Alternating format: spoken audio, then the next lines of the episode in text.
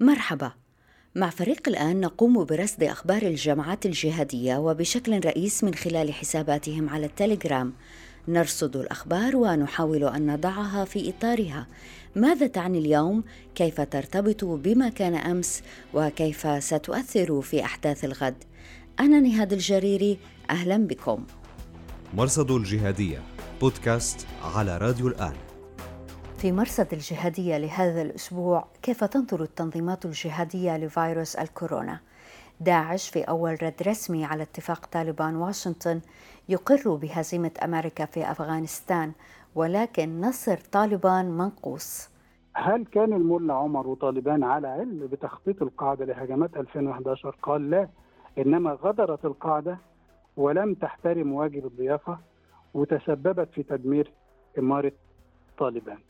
وفي هذه الحلقة نلتقي الأستاذ هشام النجار الكاتب والباحث المصري وصاحب كتاب كيف تحاور متطرفا الأستاذ النجار كان في فترة سابقة عضوا في الجماعة الإسلامية المصرية. مرصد الجهادية.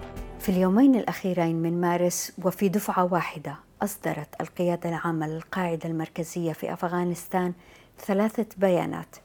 واحد في رثاء قاسم الريمي زعيم تنظيم فرع اليمن الذي قتل في أواخر يناير وتأكد قتله في 23 فبراير وعين خلفه خالد بطرفي في 19 مارس. والثاني في رثاء أبو عياد التونسي الذي تأكد قتله وآخرين في 28 فبراير. والثالث كان في الكورونا. ولنبدأ من الآخر من بيان الكورونا. في 21 مارس أصدرت القاعدة المركزية بيانا بعنوان السبيل لخروج البشرية من بطن الحوت وصايا ومكاشفات بشأن وباء كورونا. أهم ما جاء في البيان هو دعوة الغرب إلى الدخول في الإسلام. تخاطب القاعدة الغرب وتعرض عليهم أن يكونوا شركاء في جنة عرضها كعرض السماوات والأرض. ويستند البيان في هذه الدعوة إلى اعتبار الإسلام دينا وقائيا نظيفا. ويتفق البيان مع جهاديين آخرين في حكمة عدم دخول أرض موبوءة أو الخروج منها. اللافت أننا لا نقرأ ما يشي بأن القاعدة ترفض إغلاق المساجد وهو من الأمور التي لا تزال تشكل جدلا عند كثير من منظري الجهادية. تنظيم القاعدة يعتبر أن منع صلوات الجماعة هو نذير واماره من أمارات غضب الجبار جل جلاله من دون أن يتطرق إلى إغلاق المساجد. تتفق القاعدة وداعش فيما يتعلق بمسألة العزل وعدم دخول أرض موبوءة أو الخروج منها ومسألة إغلاق المساجد فداعش لم يتطرق إليها. وكذلك يتفقان في مسألة قواعد النظافة التي نتعلمها كجزء من الوضوء للصلاة.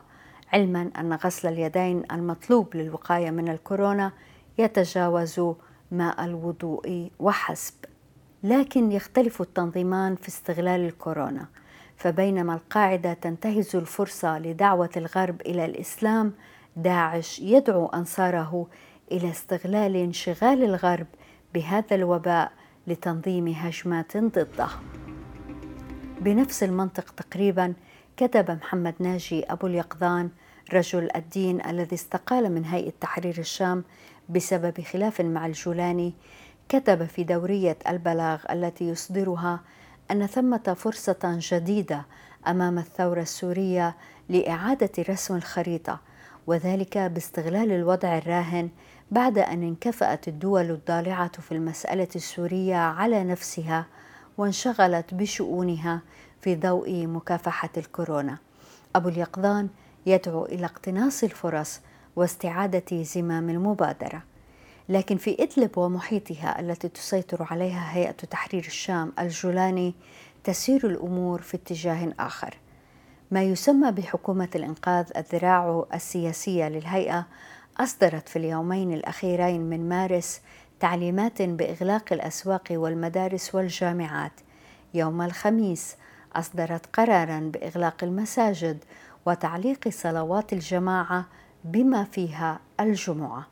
هذا البند الأخير جدد المشاكل بين الجولاني ومعارضيه التقليديين وهم شخصيات قيادية أو دينية انشقوا أو فصلوا من الهيئة بسبب خلافات مثل محمد ناجي أبو اليقظان وطلحة المسير وعصام الخطيب. هؤلاء يعتبرون أن المرض لم يتفشى في إدلب وأن الفتوى تقضي بعدم إغلاق المسجد والسماح بالصلاة للأصحاء فقط. ويضيفون أن حكومة الجولاني لم تتخذ إجراءات تتعلق بإغلاق صالونات الحلاقة مثلا أو ازدحام اللاجئين في المخيمات أو منع الدعوة إلى التجمهر يوم الجمعة على طريق الإنفور الواصل بين حلب واللاذقية احتجاجا على توغل القوات الروسية المساندة لقوات الأسد. مرصد الجهادية. إذا وأخيرا نعى الظواهري الريمي الزعيم السابق لتنظيم القاعدة في شبه جزيرة العرب. البيان المتأخر الصادر مساء الاثنين 30 مارس أغدق في وصف الريمي حتى عده علما من أعلام الجهاد الفتية. كما استرسل البيان في الإشادة بالزعيم الجديد للتنظيم خالد بطرفي وقال عنه إنه يتمتع بخبرة كبيرة وحكمة وحسن تقدير وقيادة. ودعا الجميع في تنظيم القاعدة في جزيرة العرب إلى السمع والطاعة لأميرهم والالتفاف حول قيادتهم ومواصلة الجهاد.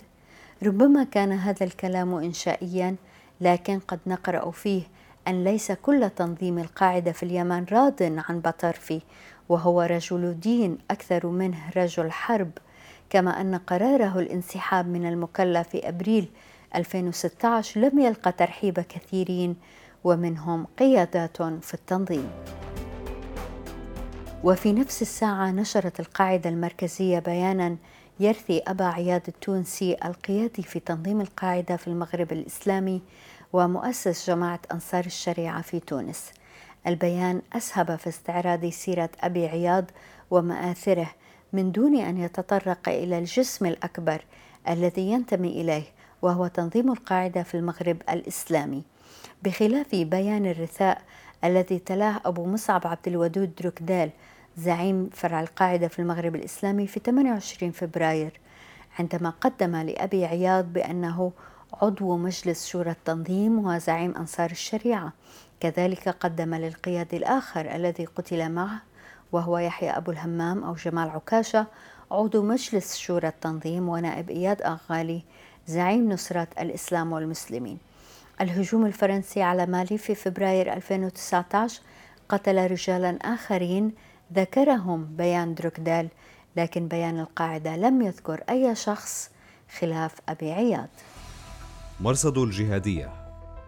صدر العدد 228 من صحيفة تنظيم داعش الأسبوعية النبأ يوم الخميس 2 أبريل 2020 أبرز ما فيه كان الافتتاحية التي جاءت هذا الأسبوع بعنوان هزمت أمريكا ولما ينتصر الإسلام بعد عن اتفاق طالبان وواشنطن في أفغانستان.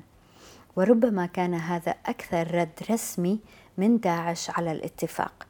منذ توقيع الاتفاق في 29 فبراير جاءت افتتاحيتان على ذكر طالبان.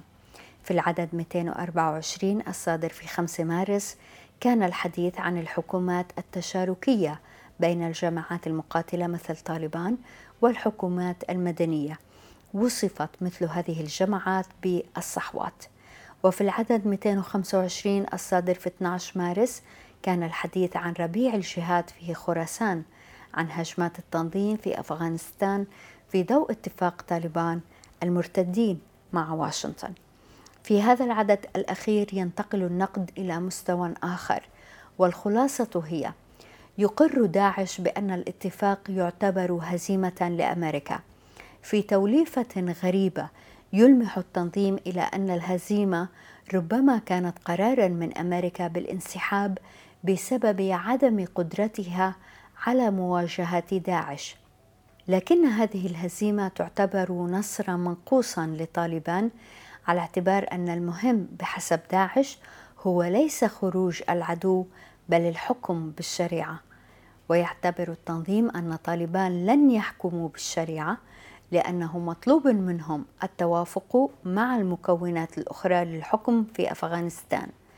بالنسبة للتنظيم الانتصار على العدو شيء وانتصار الإسلام على الكفر شيء.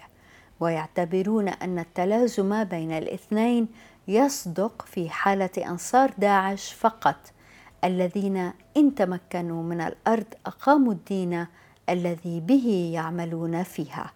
أما طالبان فقد انحرفوا عن الدين. ومعنا الأستاذ هشام النجار الصحفي آه، والكاتب في الأهرام المصرية والمتخصص في الجماعات المسلحة. وآخر إصداراته كان كتاب كيف تحاور متطرفا. أهلا فيك أستاذ هشام شكرا جزيلا مرة أخرى لوجودك معنا بالبرنامج. أهلا وسهلا الله يخليك. آه، أستاذ هشام قبل أن أسألك عن كتابك المهم واللافت آه، كيف تحاور متطرفا بحب أسألك عن بعض الأمور اللي عم بنشوفها حوالينا آه، خلال هذا الأسبوع أو الأسبوعين على الساحة الجهادية. اولا أحب أن أسألك عما تتوقعه لعلاقة القاعدة مع طالبان بعد اتفاق طالبان وأمريكا وبعد أن أثنى الظواهري. من خلال بيان إن فتحنا لك فتحا مبينا أثنى على الاتفاق. أين ستذهب القاعدة؟ الحقيقة كما لو أنه شعار المرحلة تعميم النموذج الطالباني وشيوع عدوى التفاوض مع القاعدة وده واضح في بيان القاعدة المركزي بيهنئ طالبان وحتى في خياب في خطاب تنصيب خالد بطرفي وبشكل أكثر وضوح في إرهاصات التفاوض مع القاعدة في مالي. ده معناه باختصار السير في ذات اللعبة الخطيرة مع الإسلام السياسي تحت وهم تحقيق الأمان والسلام للغرب مقابل تمكين الجماعات المتطرفة من حكم البلاد العرب والمسلمين. يعني خلينا نشوف المشهد بصورة أشمل. هناك أولا لعبة تبادل الأدوار بين ثلاث جماعات تكفيرية رئيسية على الساحة العالمية مع الوضع في الاعتبار تشاركها في الأصول واختلافها واختلافها في بعض التطبيقات والممارسات والتوقيتات. فالنهاردة يتقدم القاعدة ويأخذ مكان الإخوان ويأخذ داعش مكان القاعدة في لعبة مشابهة لما كان يحدث في السابق من تفريق وهمي بين معتدل ومتطرف ومحلي وعالمي. الحاجة الثانية انه وراء الرهان على تحييد الفصائل الجهادية والتفاوض معها وتمكينها من السلطة وصبغ الشرعية الدولية على جماعات متطرفة يعني مآسيها وكوارثها حضر في المنطقة العربية. يعني كأنه أمريكا ودول أوروبا تمشي بممحاه على جهود الدول العربية اللي بتحاول إنها تقلص وتحد من مساحات التطرف والعنف في الشرق الأوسط وفي العالم. أيضا بمحاربتها لمجمل الحالة دون تجزئة وهمية. النقطة الثالثة الحقيقة والمهمة إنه لازم نعرف من يقف وراء المعادلة الجديدة. يعني بعد فزاعة القاعدة عشان نمكن الإخوان في السلطة ودي خطة استمرت من 2011 حتى إسقاط الجماعة في 2013 وما بعدها. الآن فزاعت داعش عشان يحكم القاعدة. دي لعبة وراءها قوة مستفيدة نكتشفها بسهولة من مين هي الدول اللي بترعى وبتمول القاعدة وهتستفيد جدا من تمكينها من السلطة أو على الأقل الشراكة فيها في مناطق استراتيجية في العالم في أفغانستان أفريقيا في سوريا في اليمن وغيرها. وهنا تظهر بقوة أسماء إيران وقطر وأيضا تركيا. هنا يعني أمر ينبغي التنبه له أنه القوة المستفيدة واللي بترعى المفاوضات ليكون لها نفوذ مستقبلي عبر التحكم في ملفات حساسة عابرة للحدود هي من تصنع الفزاعة الأشد تكفيرا وعنفا. يعني اللي صنع القاعدة عشان يحكم الإخوان صنع داعش عشان تحكم القاعدة. ده حصل قبل كده في ثنائية الإخوان والقاعدة وبيحصل حاليا في ثنائية داعش والقاعدة. بمعنى ضرورة الإجابة على السؤال من وراء مساعدة داعش آه، رغم أنه كان في حال هزيمة وانهيار ليتم نقل مقاتليه لأماكن بعيدة ويؤسس حضور قوي له في دول كثيرة وهو لا يملك مقدرة أمنية ومعلوماتية واستخباراتية ومالية لتحقيق ذلك. فمن ساعده على ذلك في فترة قياسية. يعني بعد انهياره في سوريا والعراق مباشرة نجد له هذا النفوذ الواسع في أفغانستان وأفريقيا وآسيا. كيف حدث ذلك؟ الإجابة من واقع الخبرة بتكتيك العمل الدول الراعية للإرهاب والتي توظف جماعات الإسلام السياسي والجهاديين معا أنها تصنع وتساعد الفصيلين وتمهد لهما وفي النهاية تقدم أحدهما كمعتدل محلي ليحكم عبر التخويف من الآخر الذي سيخرج عن السيطرة إن لم نحتوي الأول هكذا يزعمون ونمكن له وهكذا يجبر العالم والواقع المحلي على قبول حكم المتطرفين أو على الأقل شراكتهم في السلطة. وهذا عين ما تقوم به قطر التي ترعى مفاوضات واشنطن طالبان وأيضا المفاوضات المتوقعة بين كيانات القاعدة في أكثر من آه، محور لتمكين التنظيم من السلطة. طب طب أستاذ آه، على على الأرض آه، أين أين سيذهب الظواهر يعني بما إنه الطالبان لن بحكم الاتفاق هي مطالبة بانها تحكم القاعدة تسيطر على القاعدة.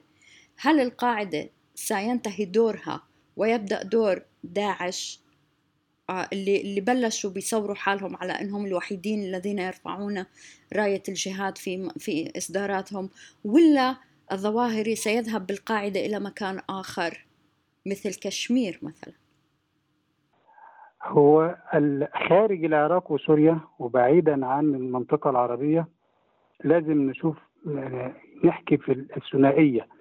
يسير داعش على خطى القاعدة في التحول لاستهداف مصالح العدو البعيد من أجل الضغط على القوى الدولية الفاعلة في الشرق الأوسط وعلى رأسها الولايات المتحدة الأمريكية لفرض نفسه مجددا على ملفات المنطقة. ده داعش. داعش يتبنى أيضا لامتصاص هزائمه على الأرض. نفس استراتيجية القاعدة القديمة.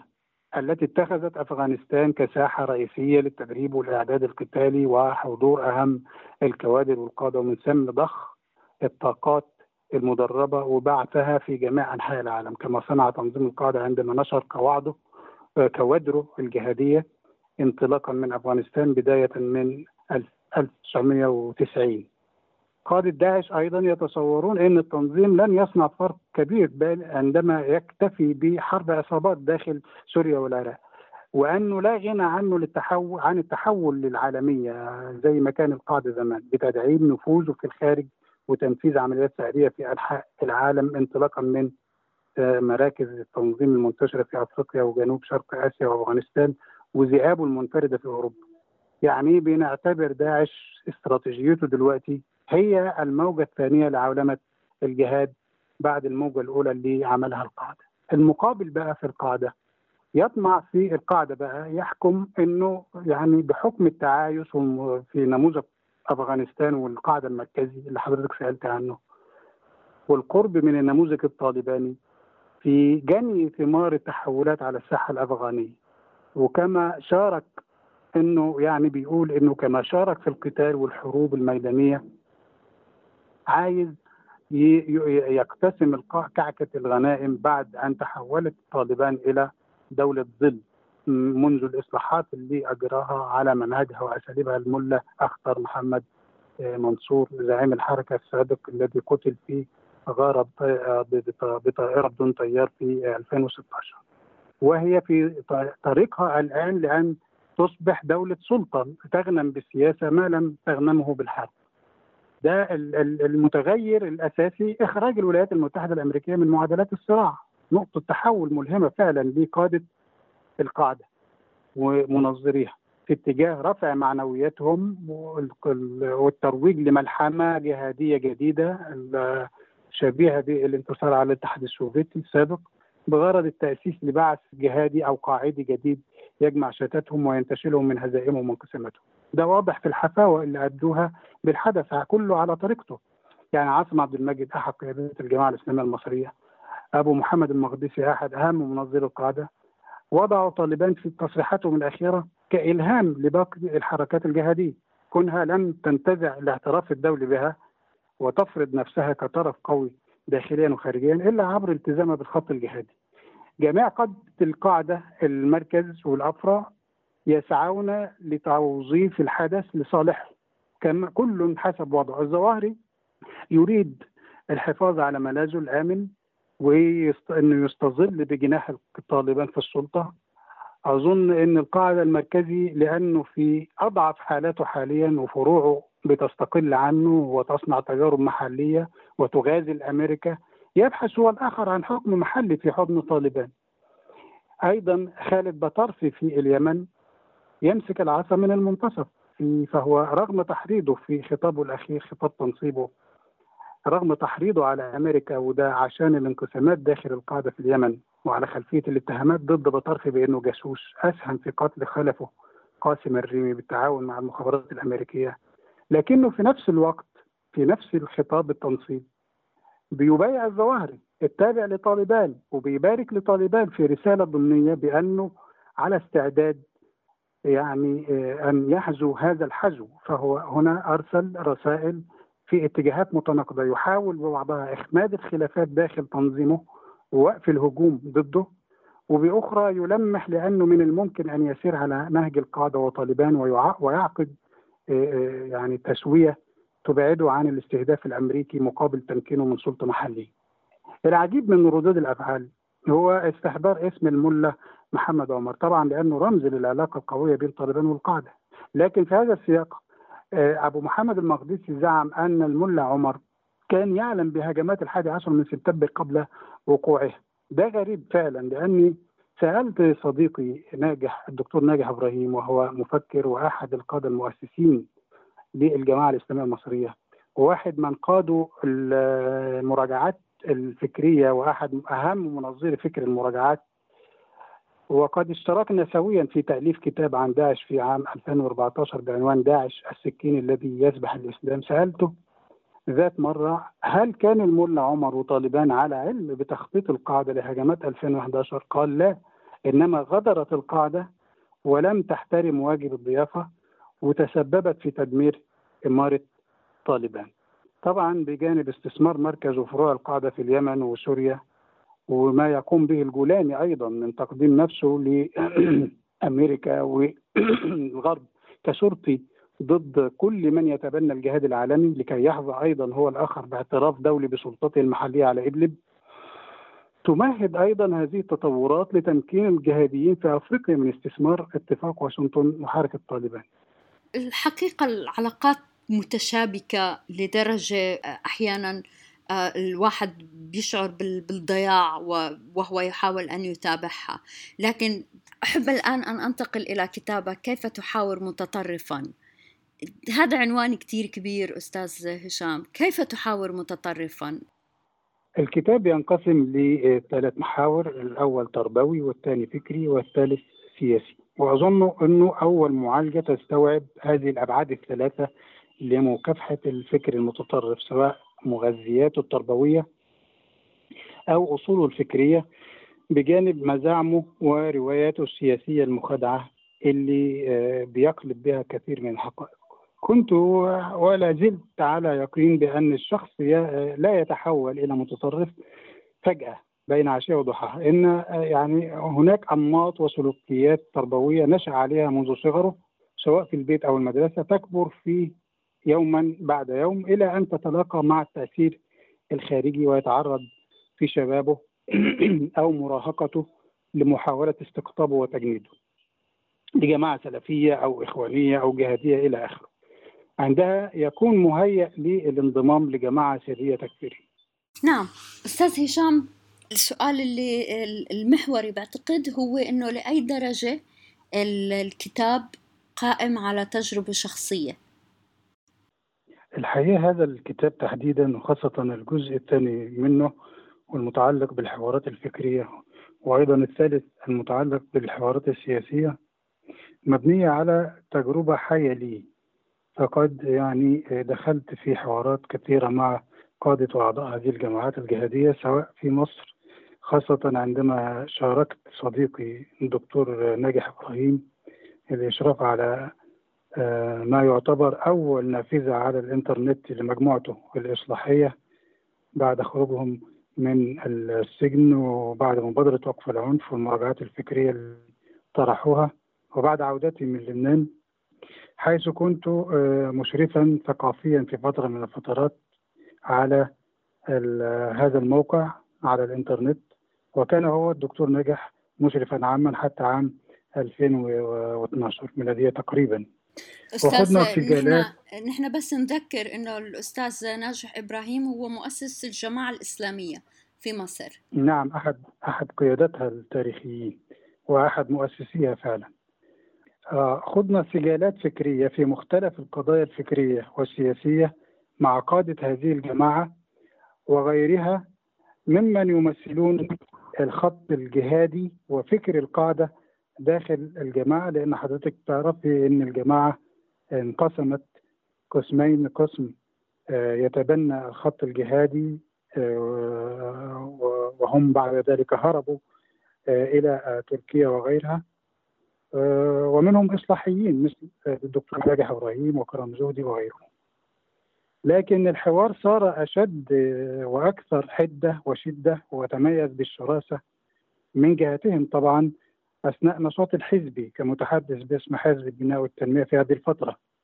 والحقيقة أنني قابلت هذا الدور لأنني ظننت آه، ظنا واهما أنهم تغيروا وأنهم سيمارسون السياسة بآلياتها بعيدا عن خلطها بالدين وبعيدا عن الجانب التنظيمي. لكن اكتشفت أنهم يوظفون اسمي دون أي تغيير منهم آه، ناحية الإصلاح والتطور.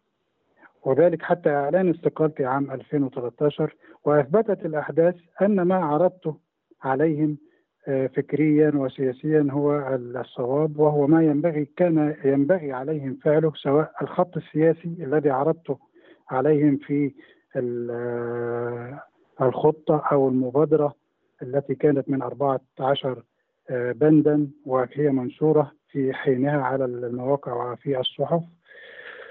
أو